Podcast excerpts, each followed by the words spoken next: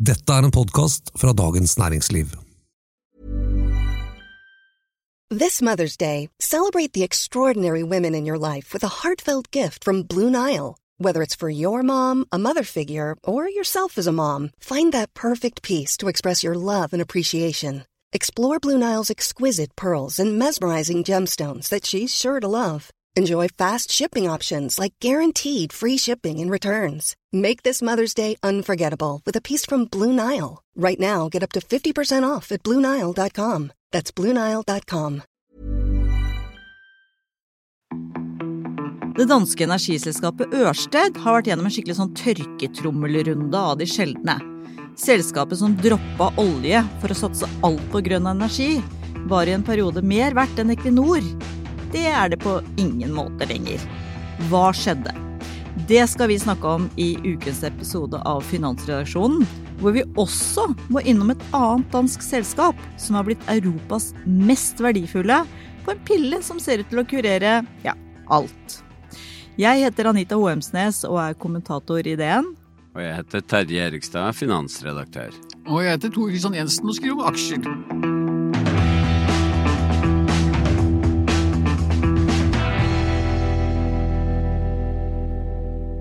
Først, altså Vi elsker jo når sånne selskaper, når det skjer sånne spektakulære, spektakulære ting i, i, selskaper, vet du. Og da kommer jo Ørsted i en liksom egen klasse i de siste ukene, gjør det ikke det, Tor Christian? Jo, det er jo riktig. Altså det, de har jo kommet med denne uka et kraftige nedskrivninger. Og det har jo skutt helt hull i aksjen. Nå er det jo vanligvis sånn at nedskrivninger, det har jo det man kaller Det har ikke noe cash-effekt, eller kontanteffekt, unnskyld. og dermed så, så, er det i mange tilfeller at det ikke det påvirker aksjekursen overhodet, men det kan vi ikke si i tilfellet Ørsted, for der kollapset jo aksjekursene 25-30 og, og det var til og med sånn at vi, vi var jo klar over at det skulle komme, for det hadde Hvorfor var vi klar over det? Hva? Ledelsen hadde varslet om det, at det, ville nok trolig bli nødvendig med, med, nedskrivninger, og da var det sånn typ kanskje 25 milliarder kroner. Men når det da endte, når fasiten endte på 45 milliarder kroner, så skjønner man jo at det var jo litt kanskje i overkant. Og så endte det da også med at finansdirektør og driftsdirektør begge da har gått på dagen, fordi at de har, selskapet har funnet ut at de trenger andre kompetanser og andre ressurser for å få selskapet på bena. Altså jeg leser det som de må rett og slett bare stoppe bleedingen og få få, å få redda det som reddes kan her. Og stikkordet er jo selvfølgelig havvind, for det er jo der Ørsted, som tidligere het Dong og kun drev med olje, Uh, har gjort uh, har gått på en skikkelig blemme. Det har de, og de er ikke alene om det. Uh, Ørsted har jo voldsomme ambisjoner om å bli et helt ledende fornybarselskap i verden. De har en, en ambisjon om å ha en kapasitet på 50 gigawatt i 2030, tror jeg det er, allerede. Og til sammenligning så er sånn de samlede utbyggingsplanene for norsk havvind som regjeringen har lagt fram, er på rundt 30-33 gigawatt. Så det er et skikkelig ambisiøst selskap. Og det så jo veldig bra ut lenge, som du sa. Eh, kursen gikk som en rakett oppover og toppet seg i 2021. Men nå, i likhet med veldig mange andre fornybarselskaper, så er, har det vært kurskollaps. Og hva er grunnen til det? Det er to grunner til det. Det er veldig enkelt sagt. Det ene er det yndlingstemaet til Thor de siste årene, med langrentene, som har steget kraftig. Eh, ikke sant? Fra nivåer på rundt 1% til nivåer på rundt 5% for tiårsrente. Eh, for stat, og så selskaper som skal låne penger, må jo betale en premie på toppen pga. kredittrisiko, sånn at eh, finansieringskostnaden for den type selskaper har blitt dramatisk mye eh, verre. Og man må tenke på at ikke sant, skal du bygge ut et havvindprosjekt, så kommer alle kostnadene, nesten alle, med en gang, og så kommer inntektene langt frem i tid. Så da får du liksom dobbel effekt, at du får Det koster veldig mye mer å bygge nå, eh, fordi kapitalen er så stor del av kostnadene dine, og så er verdien av fremtidige inntekter lavere. Så de har de egentlig, altså den kurs, vanvittige kursoppgangen de hadde, hadde de, hadde de produksjon i det hele tatt da? eller? Ja da, absolutt. Og dette er jo blant de ledende selskapene i verden på og De har masse produksjon.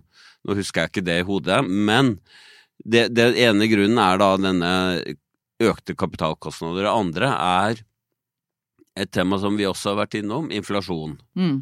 Altså det er ikke bare matvarer og, og eh, eh, ting vi kjøper eh, som konsumenter som har gått opp. Også alle innsatsfaktorene i, i den utbyggingen, som jo er veldig materialtung. Altså det er mye Det stål og bygges det, mye stål. ja, og det er mye elektriske anlegg, og særlig elektriske anlegg har hatt en helt sånn absurd eh, prisoppgang. Og så har da Ørsted, i likhet med Equinor og BP, inngått kontrakter med amerikanske myndigheter hvor det ikke er inflasjonsjusterte inntekter. Åh. Men det er jo sånn, eh, du liker jo å være litt sånn negativ, eh, Tor Christian, og hva synes du om noen skuffelser. Hva synes du om at eh, da tidligere oljeselskapet Dong solgte seg helt ut av olje og prøvde å bli grønne? Equinor har jo valgt en litt annen strategi. Ja, nei, altså jeg, hvis du så på det med datidens briller, så tror jeg det var meget fornuftig, for Dong var jo ikke noe selskap som Altså, det var ikke noe Equinor eller Statoil eh, som det het den gangen, og de, de gjorde jo et bevisst valg, og ja, på den tiden så var det jo øh, veldig fornuftig, og det, og det jeg mener vi trenger fornybar energi, så, så grep måtte jo gjøres. Så, så, så de ble jo lovprist over hele verden for det, for det som Ørsted gjorde, og det blir sikkert vært sånne case-studier på alle ledende business-skoler, hvordan de gjorde om, om det, og alt så jo helt fantastisk ut. Eh, Når vi så, for må huske på på den tiden her i 2020 og inn i 2021, så var jo det Det var ingen som ville ta i oljerelaterte virksomheter og eiendeler med, med en ildtang, ikke sant. Alle skulle jo ut av dette her. Eh, Det var ingen ansvarlige store forvaltere som sa at de investerte i olje og gass. Det var jo skikkelig fy-fy, det skulle man ikke ha noe av.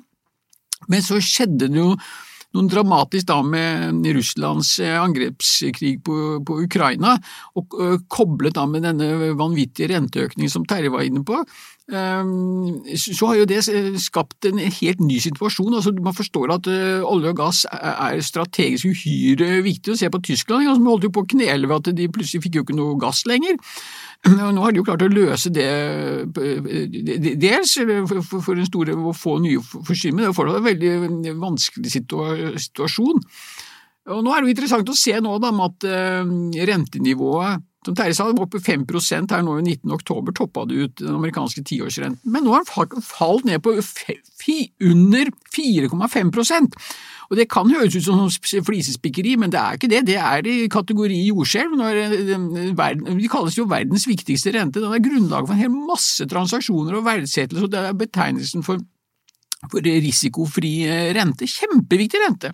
Og når den faller da fra 5 til 4,5, det er kjempeeffekt. Så det kan jo faktisk nå bety at eh, disse selskapene kan bli redda gongongen, for hvis eh, langsiktige renter nå skal fortsette å, falle, så kan vi plutselig få en helt ny situasjon igjen. Men som, som dere var inne på dette med, med inflasjon og altså, ja, stål og betong, altså, de, de, de, har jo sett kostnadene har økt med hva er det for noe, 40 ikke? Det er klart, eh, meg, Vis meg den kalkyle som overlever en kostnadsøkning på 40 ikke? Det er jo helt sinnssykt.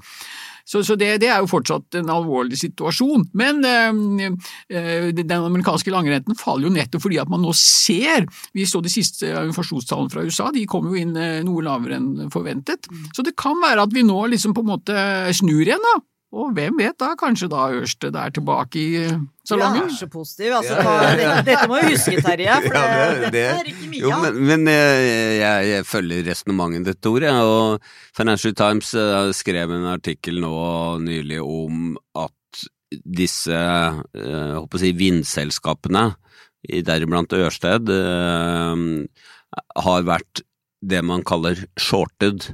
Og vi har jo vi har eh, vært innom shorting eh, flere ganger, nemlig at eh, investorer vedder på kursnedgang. Og, i den artikkelen så var det en som hadde drevet med shorting, som nå sa at eh, ja, nå tror vi at alle de dårlige nyhetene er innbakt. Altså 75% av kursnedgangen var høyere rente, og så var det problemer med inflasjon og sånn på det andre. Men nå tror vi bunnen er nådd. Altså rentene skal ikke lenger opp. Og eh, inflasjonen er et problem fortsatt, men eh, skal myndighetene få bygd ut vindkraft til, til hav, på havet, så må de sannsynligvis gi bedre vilkår. For ellers så får det ingen Og det, det, det blir spennende å se i Norge, fordi den, ja, det er det jeg tenkte jeg skulle ja. innlede med nå. For at nå, når vi spiller inn denne episoden, så er det liksom nærmest Vi kan nærmest telle ned til når fristen for å prekvalifisere seg til å bygge ut vindparken Sørlige Nordsjø 2 som jeg nesten konsekvent tenkte på som Søndre Nordstrand. Det er helt Jeg får ikke det, men det er altså sørlige Det er der vi skulle satt den opp! Det er der vi skulle satt den opp, men det skal vi da ikke. Men der har det jo vært og dette er jo regjeringens store prosjekt, ikke sant. Man, det er dette som skal redde, liksom, eller gjøre at Norge klarer å kutte de utslippene de har forplikta seg til. Mm. Og så har de da tenkt at uh, dette havvindsutbyggingen er liksom krukset, og så har det ene selskapet etter det andre, sist Ørsted, trukket seg fra uh, å være med på prekvalifiseringen. Altså det er ikke det ordentlige kvalifiseringen engang. Nei, altså det, det er to faser. Først skal, må selskaper som ønsker å være med i konkurransen om å få kontrakten om å bygge ut Sørlige Nordsjø 2, kvalifisere seg. Og så skal det være da en uh, auksjon i etterkant. Og hvis du ikke har prekvalifisert deg, så får du heller ikke være med i siste runde. Og det er jo illevarslende for regjeringen at flere av de aktuelle aktørene har trukket seg. Fristen er mm, ikke gått ut mens vi, akkurat mens vi snakker, så vi vet ikke utfallet. Men, men det lover ikke godt for satsingen. Og igjen er det jo det at sånn som for eksempel Øyvind Eriksen i Aker, som, som er med sammen med Statkraft og, og BP, Eh, og de vil, de vil, ikke trekke seg, men, men, han har gått ut og sagt at um, det er veldig vanskelig å regne hjem lønnsomheten i prosjektene sånn som betingelsene er nå, da. Satser han på mer subsidier, tror du? Det er veldig Det er ikke sånn når du sier på forhånd at dette blir ikke lønnsomt, men du allikevel skal være med og liksom by. Ja, det tror jeg. Vi kan bare fastslå som et uh, faktum. Altså, etter mitt syn så er det vel ingen som overgår Aker og Øyvind Eriksen og Kjell Inge Røkke i det som heter rent-seeking, altså at du lever av, når vi har en sånn norske statskassen eh, bugner av milliarder, så skal du jo være ganske for ikke, å, for ikke å friste til det. Og det er klart, det, det, har vi jo sett flere av de tingene som, som fra Aker-leirene har kommet akkurat når det gjelder dette temaet med, med, med det grønne skiftet. Uh, og det, du, du, ser jo bare, det, bare, det, det lyser jo rentseeking av hvordan de formulerer seg. Det er klart, de ønsker en del av, eh, av den eh, kapitalen. Eh, og målet er selvsagt å tjene penger, og det er helt lov i, i Norge, det å, gjøre det man kan for å få støtte fra, fra, myndighetene. Og da er det jo greit å minne om, vi snakket om nedturen til Ørsted og vindselskaper, men da Ørsted var på vei opp i 2020 og 2021, så var jo oljeindustrien med Øyvind Eriksen i spissen på lobbyraid, og fikk eh, tidenes subsidier av norsk olje- og gassproduksjon, fordi oljeprisene falt så kraftig i, i, under koronapandemien. Så ikke sant, eh, det er ikke bare vindselskapene og de grønne som ber om penger. Det Nei, og det er jo glad for tilfellet Aker. Ikke sant? De har jo en fantastisk situasjon. Ikke sant? De, er, de rir jo flere hester her. og Aker BP, ikke sant? mens vi så da for eksempel konkurrenten Equinor, har jo satset uh, til dels betydelig, og skal jo satse enda mer uh, på, på, det grønne skiftet og fornybare investeringer, så sa jo Aker BP at nei takk, det, den slags holder ikke vi med på, vi er et rent oppstrømselskap. Og det var ikke så kult i 2020 og starten av 2021, ja, da var disse, den type eiendeler var under, under press pris, prisingsmessig, men det har jo da snudd, som vi var innom i stad, det har jo snudd fullstendig. Så Røkke og Aker, de sitter jo med milliarder og milliarder i Aker BP, da, som er Norges nest største av de børsnoterte selskapene, eh, samtidig som de da eh, prøver å bygge opp noe i, i, i, det grønne, men det har jo da hva skal vi si, det har jo slitt, det kan ikke være noe, du kan ikke beskrive det på noen annen måte, for eksempel se på Aker Horizon, som er paraplyselskapet til, til Aker for alt det grønne, den aksjen har jo rett og slett kollapsa, det er jo altså helt dramatisk, det som har skjedd. Og mye av årsaken er dette et datterselskap som heter Mainstream, som har en stor virksomhet i Chile, hvor det har vært store, store problemer med alt som har med infrastrukturen og prisingen av eh, kraft og hvordan dette fungerer, så der har de Aker gått på en kjempesmell. Jeg skrev jo i en børskommentar at det der kjøpet av den mainstream er trolig den dårligste investering som Kjell Inge Røkke har gjort ever, kanskje med unntak av når han kjøpte Kverner. Ja. Ja, men det er jo en, en da, da, er det et dårlig kjøp, for å si det sånn. det holdt jo, Kverne holdt jo på å ta knekken på ja, det. det. Han holdt jo på konkurs! Eh, det kommer ikke til å skje nå, nettopp fordi at han har masse milliarder i Aker BP-aksjer og noen andre selskaper. Ready to pop the question? The jewelers at BlueNile.com have got sparkle down to a science with beautiful lab-grown diamonds worthy of your most brilliant moments. Their lab grown diamonds are independently graded and guaranteed identical to natural diamonds, and they're ready to ship to your door. Go to Bluenile.com and use promo code LISTEN to get $50 off your purchase of $500 or more. That's code LISTEN at Bluenile.com for $50 off. Bluenile.com code LISTEN. Burrow's Furniture is built for the way you live. From ensuring easy assembly and disassembly to honoring highly requested new colors for their award winning seating, they always have their customers in mind. Their modular seating is made out of durable materials to last and grow with you. And with Burrow, you always get fast, free shipping. Get up to 60% off during Burrow's Memorial Day sale at burrow.com slash ACAST. That's burrow.com slash ACAST. burrow.com slash ACAST. Ryan Reynolds here from Mint Mobile. With the price of just about everything going up during inflation, we thought we'd bring our prices down. So to help us, we brought in a reverse auctioneer, which is apparently a thing. Mint Mobile unlimited premium wireless. Ready to get 30, 30, bit to get 30, bit to get 20, 20, 20, bit to get 20, 20, bit to get 15, 15, 15, 15 just 15 bucks a month. So, Give it a try at mintmobile.com/switch. slash $45 up front for 3 months plus taxes and fees. Promo for new customers for limited time. Unlimited more than 40 gigabytes per month slows. Full terms at mintmobile.com. Men staten økte jo da subsidiepakken eh, på denne havvindsatsingen fra 15 til 23 milliarder kroner, og det, sånn som jeg eh, tror Mikael Holti skrev, vår eh, eminente energijournalist, skrev at det skjedde liksom litt sånn å ja, nei, vi fant, fant, noen milliarder til, vi. Litt sånn kjapt.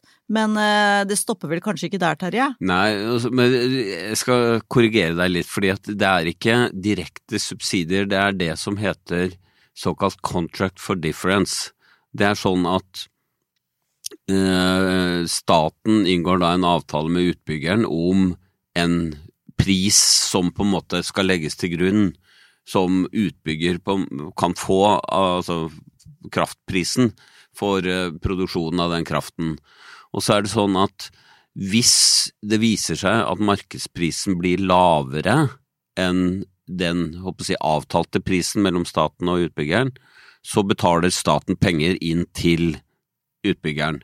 Motsatt, hvis markedsprisen viser seg å være høyere enn det utbyggeren eh, og staten har blitt enige om, så må utbyggeren betale inn til staten. Eh, og så kan du si at eh, det Hva skjer hvis staten må ut med 23 milliarder? Jo, det er jo egentlig et uttrykk for at da vil det være veldig mye billig kraft tilgjengelig for oss som eh, husholdninger og forbrukere, da. Så du kan si at det er en, en sånn risikoavlasting, det er ikke direkte Nei, subsidier. det er ikke liksom uh, Det er ikke det bare er har 23 milliarder og gjør hva dere vil med dem, Mm. men det her, de 23 milliardene er en ramme for hvor mye staten kan, maksimalt da, utbetale. Eh, Energiminister Terje Aasland har jo sagt at dette er som det endelige tilbudet til eh, de som vil være med og, og by på kontrakten om å bygge ut Sørlige Nordsjø 2. Og så får vi se hva som skjer hvis det skulle vise seg at ingen vil by, Mm. på, basert på de betingelsene som er der. Fordi eh, ja, vi kan harselere litt over de som er ute etter eh, statens penger, men, men de vil jo overfor sine eiere ikke gå inn for noen prosjekter som de vet de vil tappe penger på. Og hvis de ikke kan regne det hjem, som det heter, altså etter kostnadsøkninger og, og kanskje endret markedssyn på fremtidig Husk på at eh, energipris, husk på at dette prosjektet sånn, når du først har fått opp de vindmøllene, så skal de stå der i 25-30, jeg vet ikke, i hvert fall så lenge. Så, så liksom hva prisen blir over alle de årene er det jo ingen som vet, og det er et stort usikkerhetsspenn der, da. Strømprisen har jo variert litt i det siste, for å si det sånn. Ja, og så er det jo morsomt, Terje nevnte jo dette her ordet risikoavlasting, og jeg synes jo det er et kostelig ord. da. Det er, det er, ingen, som, det er ingen som sier eh, subsidier lenger. Ja. Du får ikke disse selskapene til å si at vi vil ha masse, vi vil ha masse subsidier. Nei, vi trenger risikoavlastning. ikke sant? Det er liksom Når det ene ordet har blitt litt for belastet, så gjelder det å finne på noe som høres litt bedre ut. og Det er det de bruker kom, kom, kommunikasjonsavdelingen til, vet du. Det er jo å finne Jobbe med optics, som det heter. Men jeg, jeg vil slå et slag for subsidier. Eh, og det, det har vist seg Ta solenergi, som nå er den billigste formen for ny energi det er mulig å produsere i verden. Da det startet, var det håpløst dyrt. Håpløst liksom Hvorfor har verden begynte tyske myndigheter med det? Det var jo der Tyskland var ledende. Eh, men det handlet om å industrialisere solenergi, få ned kostnadene. Så kostnadene er jo ned på en del av disse fornybare energikildene med 70-90% fra start. Og det hadde aldri skjedd hvis det ikke hadde vært litt risikoavlastning i starten. Der var vel Kina også på, Kina på, også på har vært- all, Der pøste de godt inn med Ja, penger. ja, så og, de, og, og, og Kina har på en måte kan du si at Kina har nok bidratt til at kostnadsnivået har sunket enda mer enn en 70% fordi de, har, øh, de er jo fullstendig dominerende når det gjelder øh, produksjon av øh, solcellepaneler.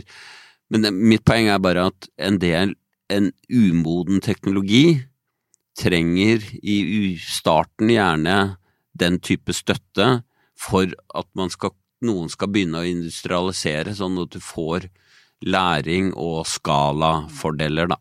Det er jo veldig interessant det der med, med Kina, ja, for det er klart at de, de bestemte seg jo bare for at dette, dette markedet skal vi ta, det er, det er jo øh, kommandoøkonomi eller hva det heter for noe. De, de bestemmer, det, det bestemmes jo i en sånn femårsplan at ja, da, da gjør vi det på den måten. Og det var jo en veldig nyttig lærepenge for mange norske investorer som da var investert i Rex Silicon, dette selskapet som lagde silisium, eh, som er en viktig del for, som går inn i å lage solcellepaneler. Og så fikk du da i tillegg denne striden mellom USA og, og, og Kina, hvor det, som gjorde at eh, Rex Silicon, det, var jo, det ble rett og slett hele det business caset ble jo ødelagt av dette her, nettopp fordi at det, som dere snakket om, at prisene, prisene ble senket så mye. Så De bygde jo en, en kjempesvær, dyr fabrikk, Moses Lake i, i USA. Og så blir det plutselig øh, full øh, krangel mellom Kina og USA, og, og det ble jo katastrofe, en katastrofeinvestering. Fordi rammebetingelsene ble helt øh, totalt endret, da. Men du nevnte, unnskyld Anita, men jeg bare, du nevnte, du nevnte dette med, med subsidier, og jeg er helt sikker på at ledelsene og eierne i dette batteriselskapet Freyr, at det er, det er de helt enige i. Bare kjøre på med masse subsidier, jo mer jo bedre. Men at, ikke- om ikke det er noe Dere som virksomhet hører på å lese de sakene vi har holdt på DNNO, altså, for der, der er det mye interessant. Jeg lurer på om det er liksom snart nede i fett datteren og kusina til eh, Frei-ledelsen som har snakk, plutselig fått jobb der. Snakk om eh, sånne hva det for noe, røde flagg og varselsignal om hvor galt det kan gå når eh, pengene blir for eh, hva skal vi si at det blir for, for lett tilgjengelig. Ja. Nei, det er jo masse historier om det, og det er, det er et grelt eksempel på, på akkurat det. Men det er klart at vi vet jo det, vi skal ikke snakke ned havvind. Havvind er en veldig, på mange måter i hvert fall fast, det Mm. som bygges sånn, hva heter det for noe, når det bygges eh, i bunnen, bunnfast, eh, Bunnfast, ja. møller. Og så har det blitt sagt at det er liksom den veien å gå til å få mer fornybar energi. Og så er det dette flytende havvindene som er liksom litt mer sånn risikosport, eh, så vidt Ja. jeg har skjønt. Men der eh, Det er jo det Utsira. Utsira Nord er det andre prosjektet som er definert av, av staten, og der er det flytende havvind. Uh, og jeg uh, Denne dagen hvor vi spiller inn, så har jeg da vært på en presentasjon fra uh, hvor Startkraft, som jo er Norges største produsent av en, ren energi, har lagt fram et sånn scenarioer fram til 2050. Hvordan kan vi få nå klimamålene? Og flytende havvind er en betydelig del av den løsningen, hvis vi skal klare det. Og også der mener eh, Statkraft at vi vil ha den samme kostnadskurven som vi har sett, som jeg snakket om når det gjelder sol, at kostnadene vil gå betydelig ned når man har fått dette opp på et industrielt nivå, da. Eh, og det er ikke noe tvil om at altså, norsk sokkel Eh, antageligvis er det bare ett land i verden som kan produsere mer energi fra havvind enn Norge, og det er Australia. Det er i hvert fall en forskningsrapport som konkluderer med det.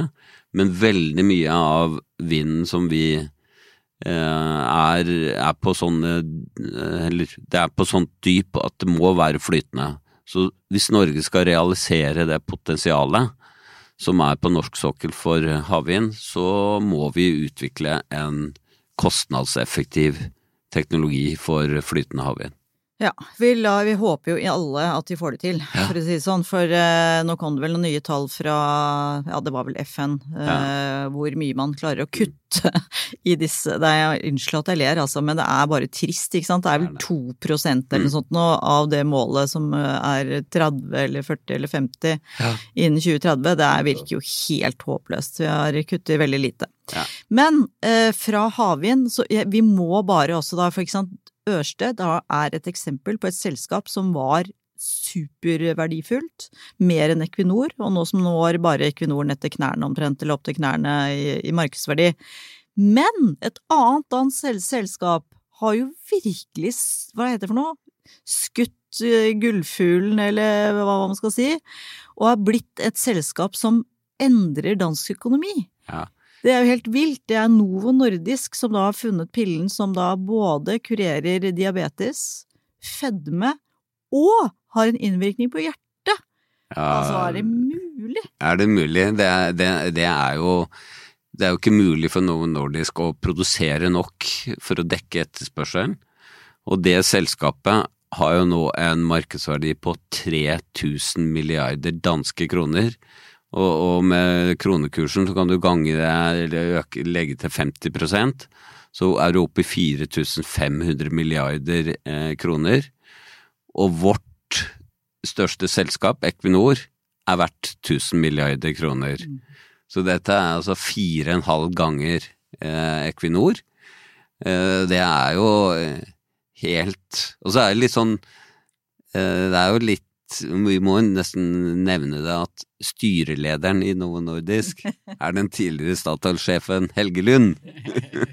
Han har også skutt gullfuglen når det gjelder sånn eh, plassering av eh, Riktig plassering. Ja, og der skal det jo sies at Novo Nordisk ikke sant, med dette siste preparatet er jo helt fantastisk, men ikke sant, Novo Nordisk har jo vært en pioner i mange år ikke sant, innenfor eh, insulinproduksjon og, og preparater for, for, mot diabetes. Ikke sant, Novo Nordisk har jo i årevis vært altså, Mange rangerer det jo som det klart beste selskapet i hele, i hele Norden, og også med markedsverdi, med hva de får til ikke? Med, med forsknings- og utvikling. Vi hadde jo her i Norge Hafsund Nycomed, som, eh, som drev ikke, ikke helt samme skala som Novo Nordisk, men det ble jo da solgt ut, ikke sant? så at de danskene har klart å bevare og dyrke opp, få fram dette selskapet til en helt klar ener i Norden, ikke noe tvil om, men også en av de altså, virkelig store spillerne innenfor dette segmentet i verden. Det er bare helt sykt imponerende.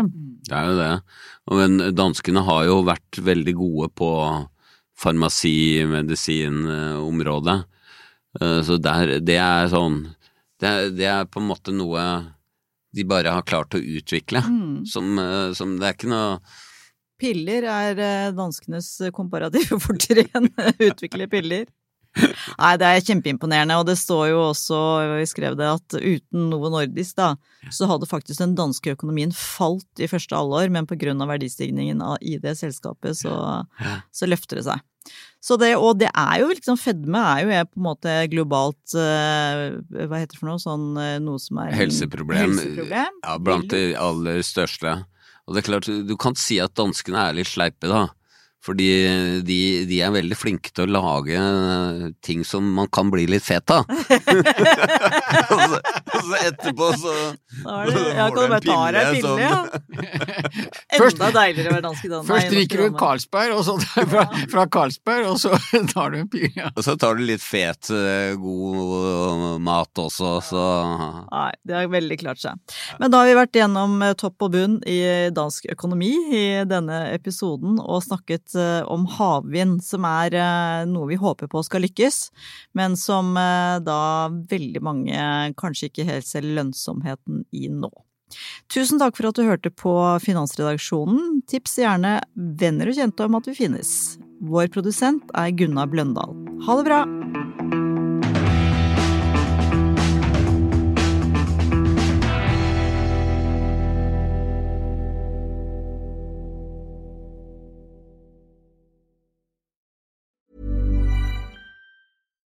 Hi, I'm Daniel, founder of Pretty Litter. Cats and cat owners deserve better than any old fashioned litter. That's why I teamed up with scientists and veterinarians to create Pretty Litter. Its innovative crystal formula has superior odor control and weighs up to 80% less than clay litter. Pretty Litter even monitors health by changing colors to help detect early signs of potential illness. It's the world's smartest kitty litter.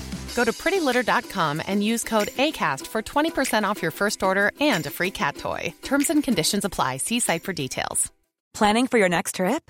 Elevate your travel style with Quince. Quince has all the jet setting essentials you'll want for your next getaway, like European linen, premium luggage options, buttery soft Italian leather bags, and so much more. And is all priced at 50 to 80% less than similar brands. Plus, Quince only works with factories that use safe and ethical manufacturing practices. Pack your bags with high-quality essentials you'll be wearing for vacations to come with Quince. Go to quince.com slash pack for free shipping and 365-day returns. Normally, being a little extra might be a bit much, but not when it comes to healthcare. That's why United Healthcare's Health Protector Guard fixed indemnity insurance plans, underwritten by Golden Rule Insurance Company, supplement your primary plan so you manage out-of-pocket costs. Learn more at uh1.com. Du har nå hørt en podcast fra Dagens Næringsliv.